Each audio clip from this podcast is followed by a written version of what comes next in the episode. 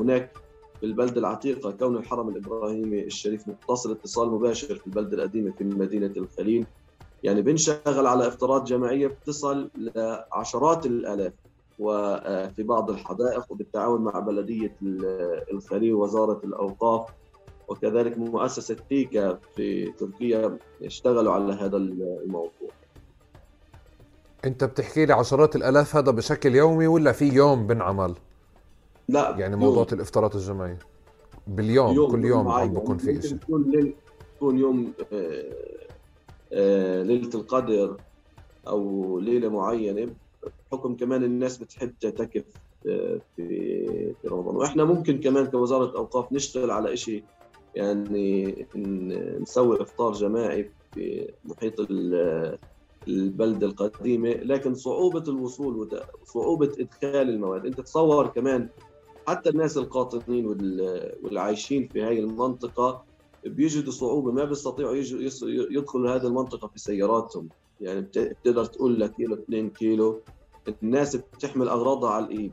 فبالتالي هناك صعوبة بتوفير هاي الأجواء الرمضانية الجميلة في محيط البلده القديمة. والعائق طبعا هو الاحتلال.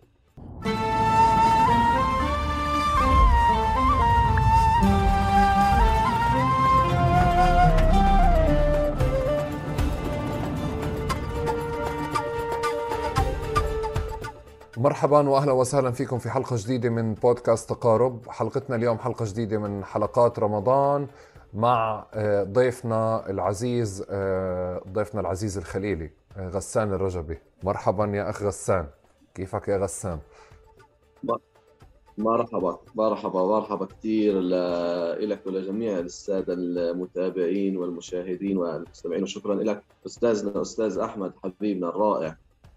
حبيبي حبيبي خلي لي إياك يا رب. بدنا نرفع الكلف بالكامل أبو كنان.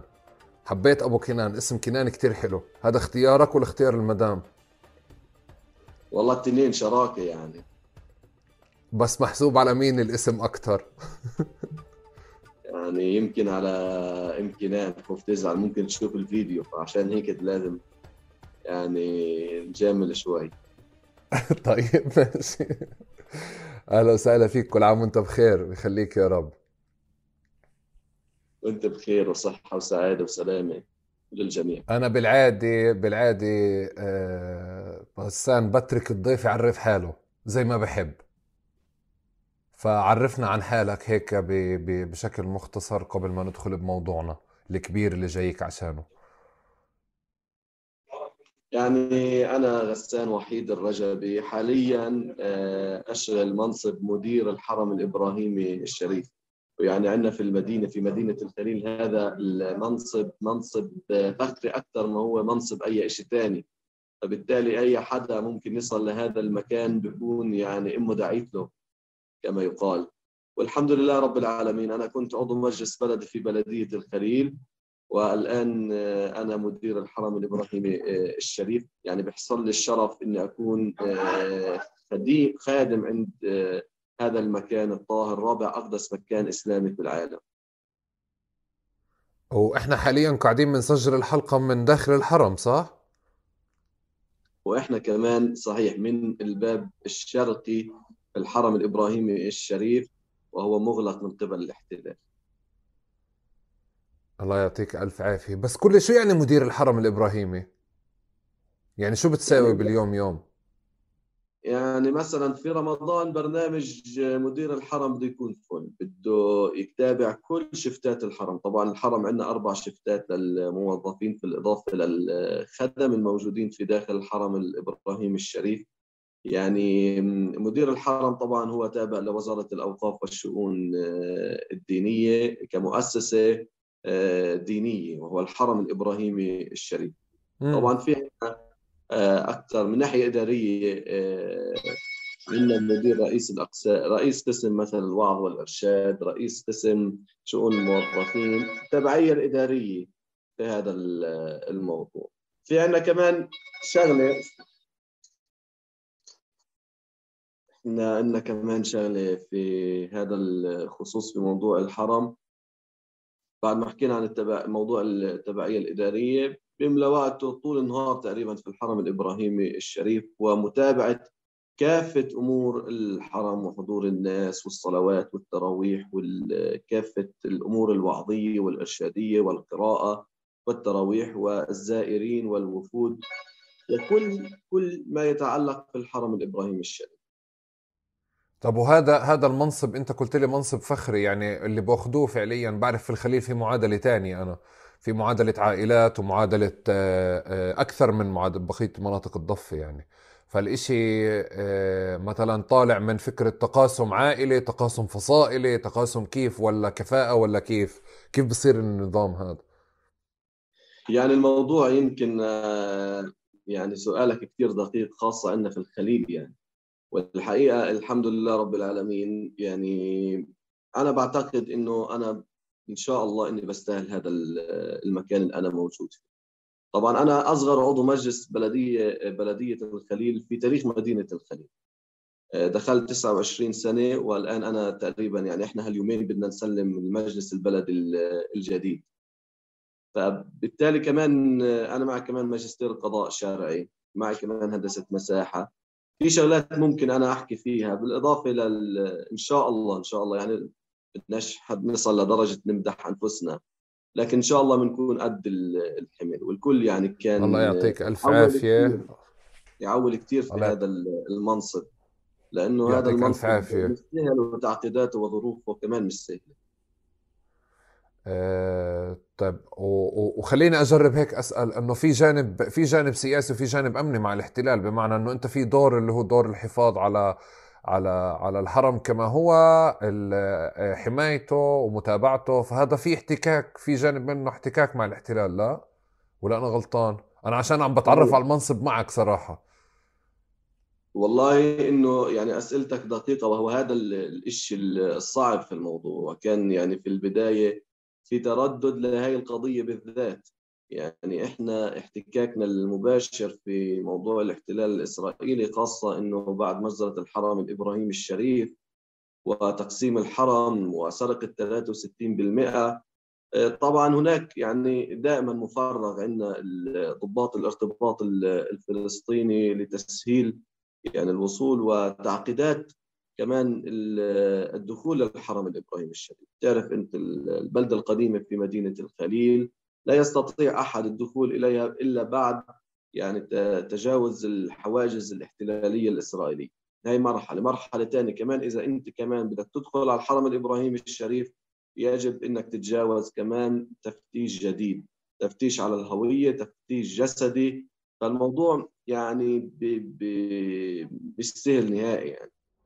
لكن بالنهاية إحنا بنحث الناس للإقبال للحرم الإبراهيمي الشريف مع آه، التعقيدات الموجودة وصعوبة الوصول والظروف الاحتلالية في هذا المكان إلا إنه ما شاء الله إن الانتماء لهذا المكان والزائرين والوفود من كافه يعني المناطق دائما بتجي للحرم الإبراهيمي الشريف وبتشوف معاناته الصعب الصعبة. اللي الاحتلال الإسرائيلي يضع على 63% من آه، مساحته آه، الداخلية وكمان كافة آه، الساحات الخارجية. وبالمناسبة يعني ما زال الاحتلال يواصل سلسلة تهويدية بحق هذا المكان وهو الاسانسيل وكمان اللي إحنا المصعد الكهربائي والمسار السياحي. هذا القرار كان في العاشر من أغسطس آب سنة 2021 وكمان الحرم هو على لائحة اليونسكو من 2017 محمي إسلامي. فالأصل حمايته لكن مع هيك الاحتلال الإسرائيلي يضرب أرض الحائط في كافة الوثائق والاتفاقيات الأممية والدولية. طيب آه أب كنان هلأ بدي أغلبك خلينا نستمتع. أنا بدي أستمتع أنا والمتابعين والمستمعين باللهجة فكسر لي الفصحى تماما. بدناش نحكي بالبيض اعطينا العامية وحطنا بجو الخليل بالكامل لأنه أنا بلشت أشمر عشان جيتك هلأ. أنا أنا بكمية من الأسئلة. أنا حاسس إنك بدك تسحب رجلي عشان أحكي خليلي. آه خلص آه، انهي لي الملف هاد؟ حضريني حضريني ولا يهمك يخلي لي إياك يا رب. جزء من برامج الحرم الإبراهيمي والخليل بتكتر الإفطارات الجماعية صح؟ صحيح. آه، وموائد الرحمة. هذا هذا إشي بنفع أول شيء تحطني في جو بالحرم؟ إذا في أشياء بتصير بالحرم تحديدا أو خارجها؟ يعني إحنا جديد في الحرم الإبراهيمي الشريف. بدنا نسوي كل جمعة إفطارات جماعية في داخل الحرم الإبراهيمي الشريف. طبعا الإضافة إنه كل يوم اللي بيجي بيصلي في الحرم الإبراهيمي بيقدر يفطر كمان مع الشفت الموجود. الشفت إنه مجموعة من الشباب الحراس والخدم والسدنة الموجودين في الحرم الإبراهيمي الشريف واللي بيجي كمان لصلاة المغرب بيستطيع إنه يفطر بهذا يفطر الجو معهم. الجميل. وطبعا الأكل في داخل الحرم الإبراهيمي له مذاق آخر لأنه هو بالقرب من سيدنا إبراهيم عليه السلام. فبالتالي هو أبو الضيفان وأبو الكرم وأبو العطاء. وكذلك هو بالقرب من تكيه سيدنا إبراهيم. هذا بخصوص اليوم يوم؟ أما بخصوص إنه إحنا كمان آه، بدنا نسوي إفطارات جماعية آه، كوزارة أوقاف في أيام الجمعة وليلة القدر. مع المناقصات الموجودة إلا إحنا يعني مصرين لمثل هذا الموضوع. طب كم واحد بيجي مثلا أنتم بتعملوا حسابكم على الإفطارات؟ اللي هي يوم الجمعة عاملين حسابكم لإلها. أيام الجمعة ما يزيد عن 70 80 شخص تصل إلى 100 إلى 200 شخص. 70 80 ل 100 و200 شخص. أوكي. طيب وهذا إشي خاص بالحرم الإبراهيمي ولا بخارجه كمان بصير في جوامع تانية بمناطق تانية؟ لا هو هو الحرم الإبراهيمي الشريف بموضوع الإفطارات ممكن يكون يعني أشد صعوبة بحكم إنه أي شيء بيدخل على داخل الحرم الإبراهيمي يعني بحاجة إلى تفتيش كامل من الاحتلال. وهون في شيء عالق في ذهن الناس وهو الخوف والرهبة ما زال من مجزرة المجزرة اللي حدثت في داخل الحرم الإبراهيمي الشريف سنة 1994 وبالمناسبة هي حدثت في شهر رمضان المبارك في 15 رمضان 1414 ما يقارب 28 سنة. هي إلى الآن ما زالت عالقة في ذهن الناس وهي في تخوف من الحضور والقدوم إلى الحرم الإبراهيمي الشريف. فبالتالي يعني إحنا اليوم دورنا دور كبير من إزالة هذا التخوف وحبنا الكبير إنه الناس تتوافد. يصل أعداد كبيرة. عندنا آه، فعاليات كثيره في آه، دعم الحرم وتوافد وتوافد الناس له يعني بوصل أعداد ما يقارب ل 15000 في بعض الأوقات وصلاة الفجر بالتحديد. أوكي.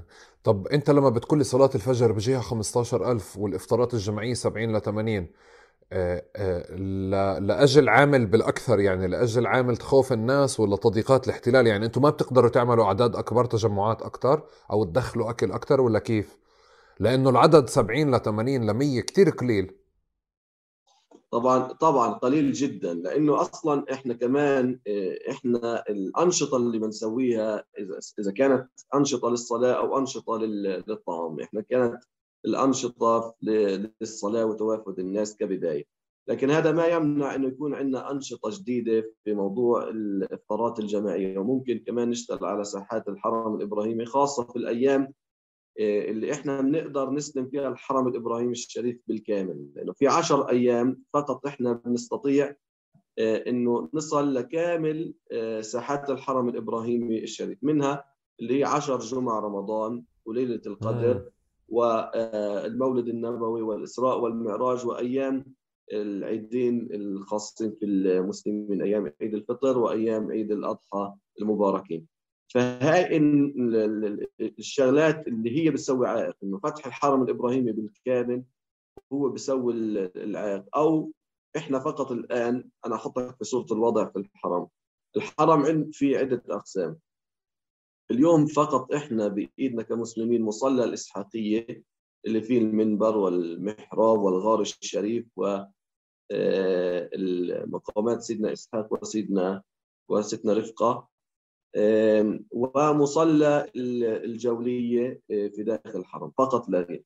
أما الحضرة الإبراهيمية ومقام سيدنا, سيدنا سارة وكذلك سيدنا آه، إبراهيم وسيدنا يعقوب وزوجته آه، لائقة ومقام سيدنا يوسف كلها وساحات الحرم الإبراهيمي كاملة هي بيد الاحتلال الإسرائيلي. فبالتالي هذا بيعمل عائق كبير في تقديم يعني الوجبات والطعام. لكن هناك في البلدة العتيقة كون الحرم الإبراهيمي الشريف متصل اتصال مباشر في البلدة القديمة في مدينة الخليل يعني بنشغل على افطارات جماعيه بتصل لعشرات الآلاف. وفي بعض الحدائق وبالتعاون مع بلدية الخليل ووزارة الأوقاف وكذلك مؤسسة تيكا في تركيا اشتغلوا على هذا الموضوع. انت بتحكي لي عشرات الالاف هذا بشكل يومي ولا في يوم بنعمل؟ لا يعني موضوع الإفطارات الجماعيه باليوم يوم. كل يوم عم بكون في شيء يكون يوم آه، آه، ليلة القدر أو ليلة معينة بحكم كمان الناس بتحب تعتكف آه، في في رمضان. وإحنا ممكن كمان كوزارة أوقاف نشتغل على شيء يعني نسوي إفطار جماعي في محيط البلدة القديمة لكن صعوبة الوصول وصعوبه إدخال المواد. أنت تصور كمان حتى الناس القاطنين والعايشين في هذه المنطقة بيجدوا صعوبة ما بيستطيعوا يدخلوا هذه المنطقة في سياراتهم. يعني بتقدر تقول لك كيلو 2 كيلو. الناس بتحمل أغراضها على الإيد. فبالتالي هناك صعوبة بتوفير هاي الأجواء الرمضانية الجميلة في محيط البلد القديمة. والعائق طبعا هو الاحتلال. هناك هدف ديموغرافي هو تكثيف التواجد للمستوطنين في داخل البلدة القديمة على على حساب الفلسطيني اللي بيقدرش إنه يدخل احتياجاته اليومية إلا بالإيدين. بس حمل على حمل على الأيدي. طب وسان انت لما بتقولي مثلا بالإفطار الجماعي بكون في 15000 واحد هذا رقم آه، آه، خليط يعني بين بين محتاجين وغير محتاجين آه، غالبيته محتاجين غالبيته مش محتاجين بس الناس بتيجي لأسباب سياسية لتلتقي لأسباب اجتماعية مع بعض. بس الجو بالأساس خليه يعني احكي لي عن الجو بهيك إفطار و 15000 هدول إذا بدنا نصنفهم. تفضل. أنا ذكرت ال 15000 في معرض الحديث عن الفجر العظيم. الفجر العظيم انشغل عليه آه، اجى 15000 طبعا. آه بس مش على الإفطار بتحكي لي آه على الإفطار الجماعي.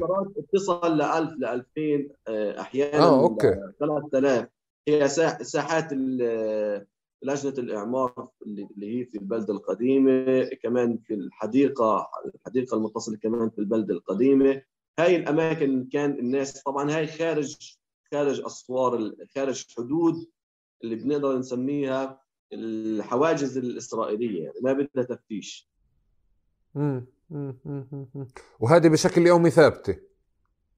لا مش بشكل يومي.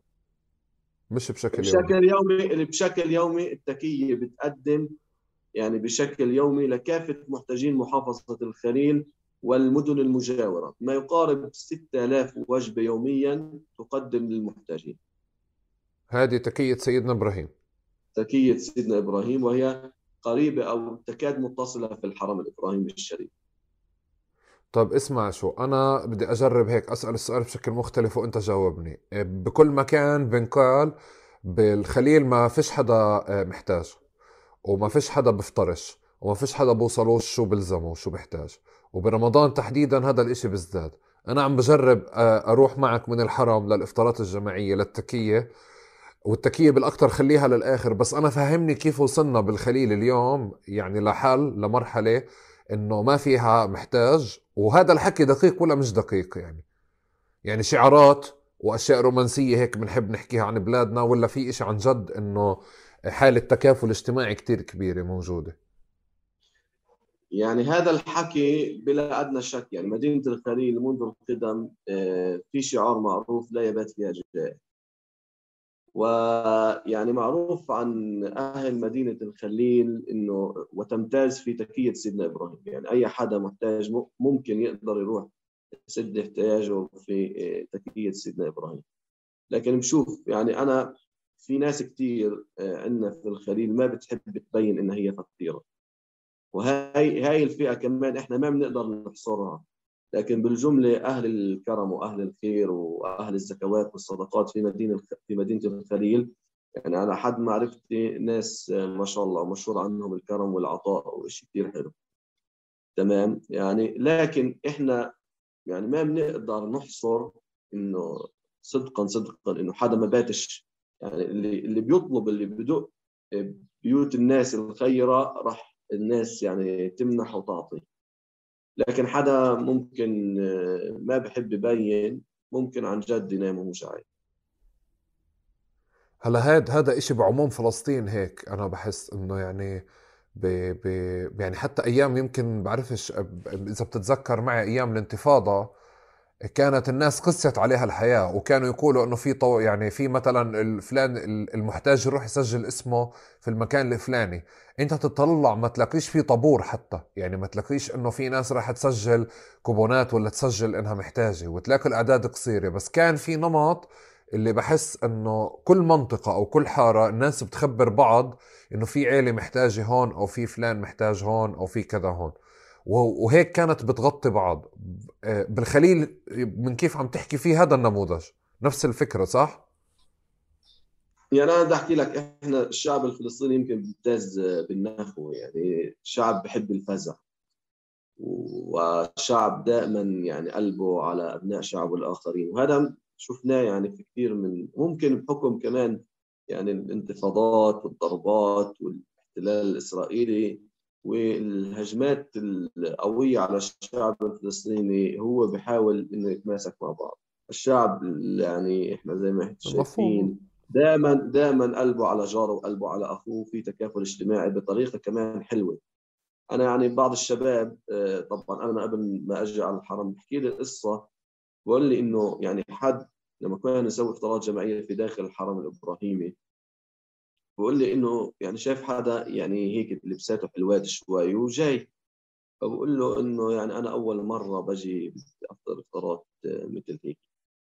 فهذا الرجل يعني قال له أنت خلص يعني أنت صف ما تقعدش مع هدول الناس. أنا ممكن أوفر لك الوجبة بشكل يومي وبشكل أنت لما تكون محتاج بطريقة يعني دائمة. تعرف أوقات صار كمان بحكم غلاء المعيشة في ظروف كمان قاسية وفي في كمان شغلة إنه ممكن نحكي فيها اللي هو الفقر الطارئ صار هذا على مستوى العالم في فقر طارئ على بعض الناس وبعض الفئة اللي كانت تشتغل في أشياء معينة وصار صارت هذه الظروف القاسية عليه. فبالتالي يعني الخير مش راح ينتهي في كل العالم بلا أدنى شك لكن إحنا دائما فخورين في الأشياء اللي إحنا طبعا تاريخيا آه، متميزين فيها. أنت بتحكي عن تركية سيدنا إبراهيم والعطاء منذ آلاف السنين. طب بدي أسألك سؤال ال ال في خصوصية بالخليل بتميزها عن عن بقية مدن الضفة؟ العائلات واللي دائما بالعادة يعني هيك بتصدر بشكل سلبي لأنه في سلاح وطواش ومشاكل وهيك بس في كمان جانب إيجابي كبير منه اللي اللي ما بنحكى عنه بس بدي أفحصه أنا وياك. آه، آه، قد إيه الإشي آه، فكرة إنه ترابط الناس كعيلة واحدة بيخفض من فكرة حاجة الناس أو بغطي احتياجاتها لبعض. يعني وخلينا نحكي على شيء عيني هيك دار الرجبي بعرفش إذا بترتاح تحكي عن الموضوع أو لا بس دار الرجبي فيهم حدا محتاج. يعني القصد مش آه، على مستوى ترابط الناس على مستوى علاقاتها. إحنا لما بنحكى دار الرجبي في عيلة متماسكة وعارفة بعض وعارفين الناس بينهم وبين بعض بوقفوا مع بعض فبالتالي فرصة إنه يكون في حدا محتاج كتير قليلة. ولا آه، يعني هذا الترابط يعني ما بغطي هذا المستوى من الاحتياجات؟ إيه، الفكرة إنه مجالس العائلات الموجودة في مدينة الخليل مدينة الخليل بيحكمها عائلاتها. العائلات الموجودة في مدينة الخليل لها مجالس وأنا بعرف كثير من مجالس العائلات سوت صندوق خاص صندوق خاص لتوزيع وجبات الطعام على المحتاجين وكذلك سد احتياجات الفقراء وكذلك الطالب الفقير. صندوق خاص للطالب الفقير بياخذوا من أغنياء العائلة. بس إحنا في كان عندنا ملحوظة بهذا الخصوص. وهذا كمان بيمتاز في معظم عائلات مدينة الخليل ومن ضمنهم كمان عائلة الرجب اللي بتسوي طرود غذائية وبتعطي أبناء العائلة وبتعطي أبناء آه، آخرين. يعني إحنا آه، العائلات الكبيرة ممكن تجد فيها سد احتياجاتها لكن العائلات الصغيرة كيف ممكن توفر هذه الاحتياجات؟ فبالتالي إحنا ما بدنا نترك الموضوع فقط للعائلات. هناك عائلات صغيرة وهناك عائلات آه، بسيطة. يجب آه، سد التكافل الاجتماعي يكون على مستوى آه، أكبر من هيك على مستوى المدينة أو على مستوى أكبر كمان من المدينة لأنه دائما معروف كمان مدينة الخليل بتفزع كمان للدول والمدن القريبة منها. فلما صارت أول إشكالية اللي هي في موضوع الكورونا وكانت في بيت لحم كانت مدينة الخليل سباخة لمدينة بيت لحم. كمان لما كان الاحتلال الإسرائيلي يقصف مدينة مدينة غزة كانت الخليل كمان سباقة لمدينة آه، غزة بالعطاء. وهذا طبعا مش من نية منا لا هذا واجب علينا كواجب أخوي وإنساني وعائلي وفلسطيني وإسلامي. في واجبات كبيرة علينا تجاه يعني بعضنا البعض بهذا الخصوص. أوكي. طب الصندوق اللي أنت بتحكي عنه هذا آه، مع السنين هاي اللي هي شكل البني آدمين تغير شكل الروابط العائلية تغيرت اللي اليوم الواحد سائل بحاله أكثر من ما هو سائل بعيلته وأسرته. وأكيد بالعائلات الخليل كمان تأثرت. الصناديق هذه ما زالت قائمة ما زالت قوية ما زالت الناس بتعطي فيها ولا تراجعت كمان أو خفت أو خف يعني آه، العطاء؟ لهذه الصناديق؟ إيه أنا أنا بحكي على نموذج سنوي ومن ضمنه كمان السنة هاي. أنا بعرف كثير ناس من العائلات بتشتغل في هذا الموضوع وكثير كمان من عائلات المدينة إيه، طرح علي قال لي كمان إذا بتعرف أي حدا حكم مكانك ومنصبك انك تدلنا على عائلات فقيرة إحنا كمان كأبناء. عائلة مش بس بدنا نسد احتياجات العائلة بدنا نسد كمان احتياجات أبناء مدينتنا. فإذا بتعرف أي حد كمان دلنا عليه وهذا يعني يعني شيء شيء كثير بنفتخر فيه وبنحكي فيه ودائما رافعين راسنا فيه. طيب عظيم. أبو كنان غسان احكي لنا عن قصة التكية عاد. هسه أنا فهمني كيف التكية هذه اللي هي شغالة من مليون سنة ما زالت شغالة زي ما هي وكيف أنت بتقول لي واصلين لمحل اليوم إنه هي بتغطي 6000 وجبة برمضان. عم بتحكي لي؟ بشكل يومي 6000 وجبة. بشكل يومي 6000 وجبة بت بتغطي. كيف إحنا احكي لنا عن التكية وبالخليل الله يرضى عليك لأنه هذه اخر آخر فقرة عاد هلأ في أنا أنا قديش بحاول اني أحكي بالخليل بالخليلي بس عشان مش ظابطه معك أنت. لا مش ظابطه لأنه الكاميرا شغالة لو انها مش شغالة. وإحنا قبل ما نسجل كأن الخليلي ما شاء الله أنا حكيت حتى فيش داعي أعطيك الملاحظة هاي إنه ما بدي فصحى. أنا سافرت بس انسى الكاميرا انسى الكاميرا غسان انت عم تحكي مع أحمد. خلص أنا بدي احكي قصة وبعدين يعني الكل راح يعرف إني أنا ب... إني أنا خليل. أنا سافرت بدي الدليل. لكن في معظم الدول اللي أنا سافرتها على طول يلقطوا لي إني أنا خليل. فطبيعي إنه أنا أحكي في الخليل لكن قصة إني أنا أحكي على الكاميرا بطريقة خليل مش بإيدي يعني. خل... طب التكية التكية آه، إحنا كلمتها شوربه يعني بتحكي إلا التكيه أو الشوربة أو الصماط لها أسماء كثيرة يعني. وهي هذا الاسم آه، يعني عتقي.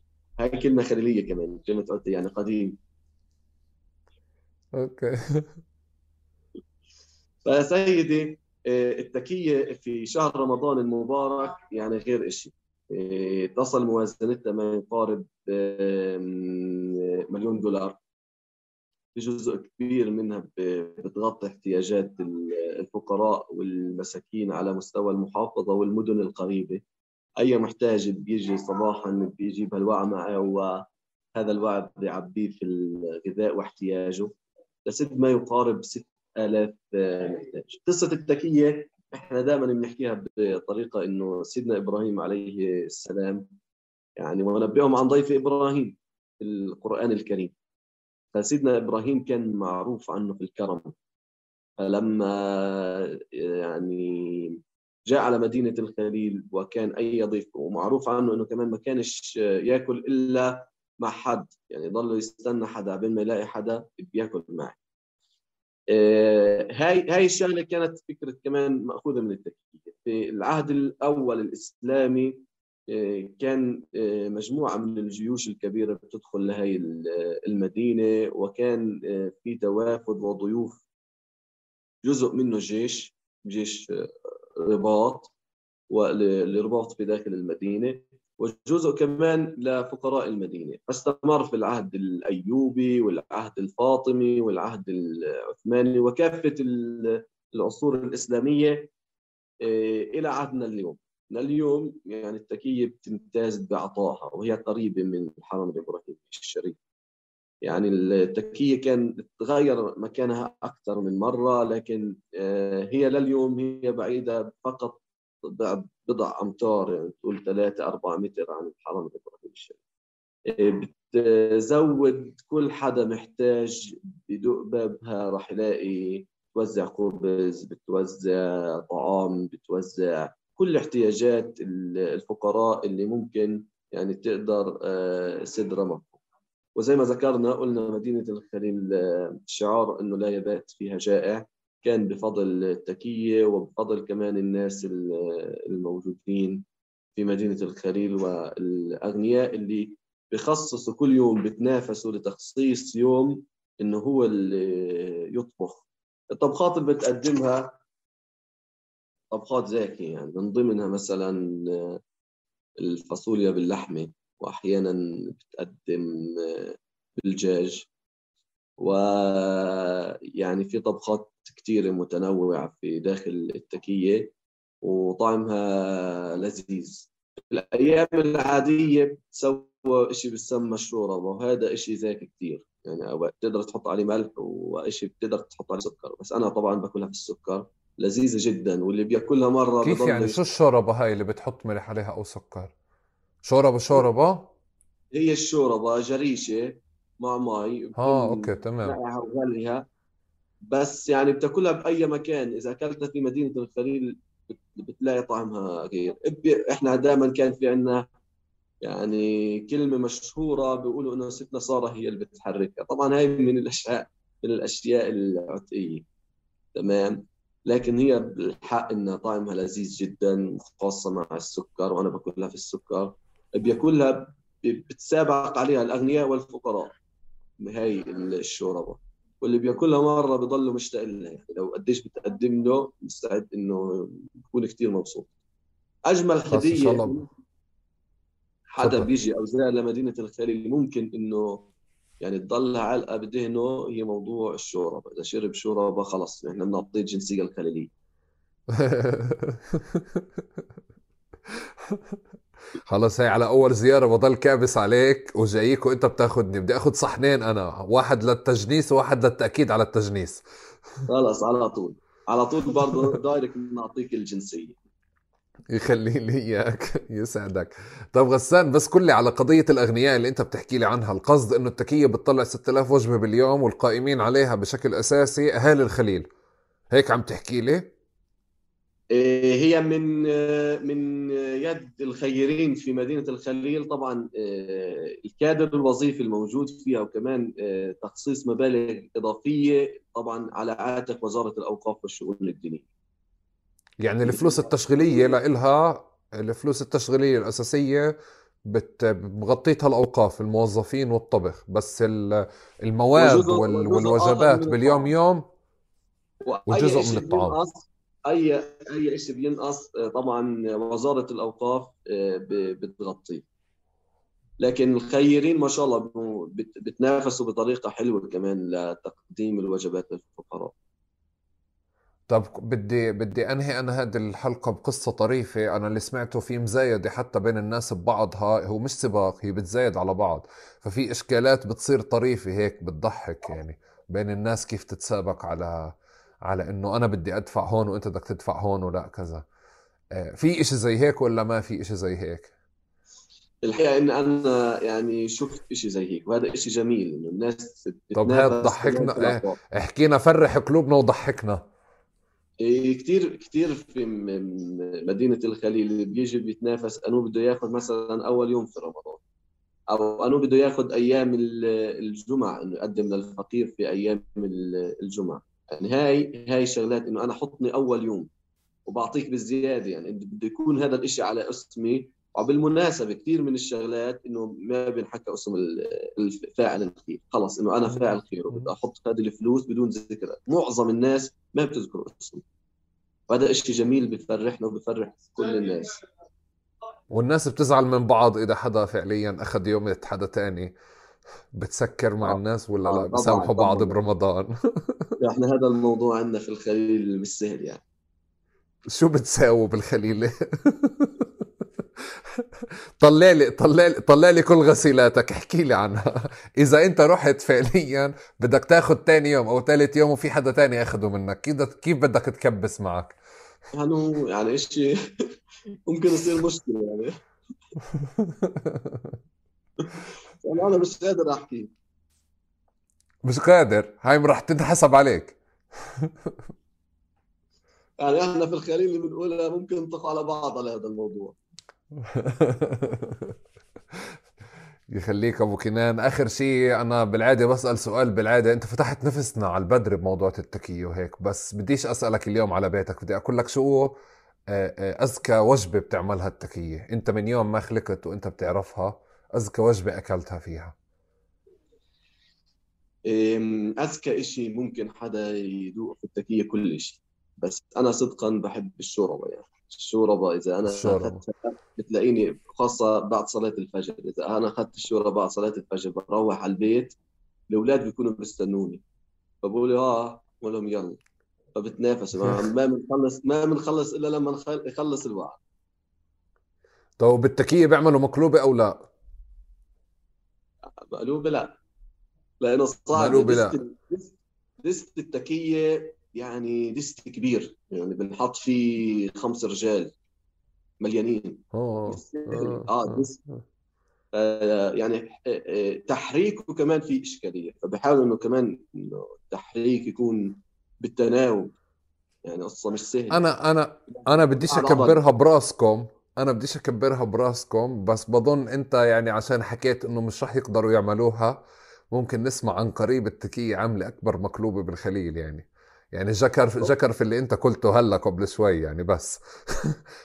انه مش سهل. لا راح تصير سهله هسه ممكن ممكن. ممكن نشتغل على هذا الشيء. أبو كنان شكرا جزيلا لك على هذا الحوار ويعطيك ألف عافية وربنا يديم الخير علينا. إحنا بالعادة يعني آه الخير في بلادنا من وإحنا وصغار بنعرف حرفيا الإشي اللي قلت لك عنه إنه في بيت في المكان الفلاني الناس بتكون تخبر بعض إنه آه، وبتوصل خبر الناس المحتاجة للخيرين. وفي إشي تاني كمان أنا كتير بحبه وكتير بقدره قضية عزة نفس الناس. آه، وخير الناس اللي بسبق دائما وما بخلي الناس تحتاج إنه تروح تعبر عن حاجتها. يعني دائما كل حدا شو بحتاج أو بأغلب الناس كيف بنعرف يعني كيف شو بحتاج بوصلها لباب بيتها وما بتضطر تطلب حتى. ربنا يديم الخير علينا وعليكم وكل عام وأنت بألف خير وكل سنة وأنت سالم.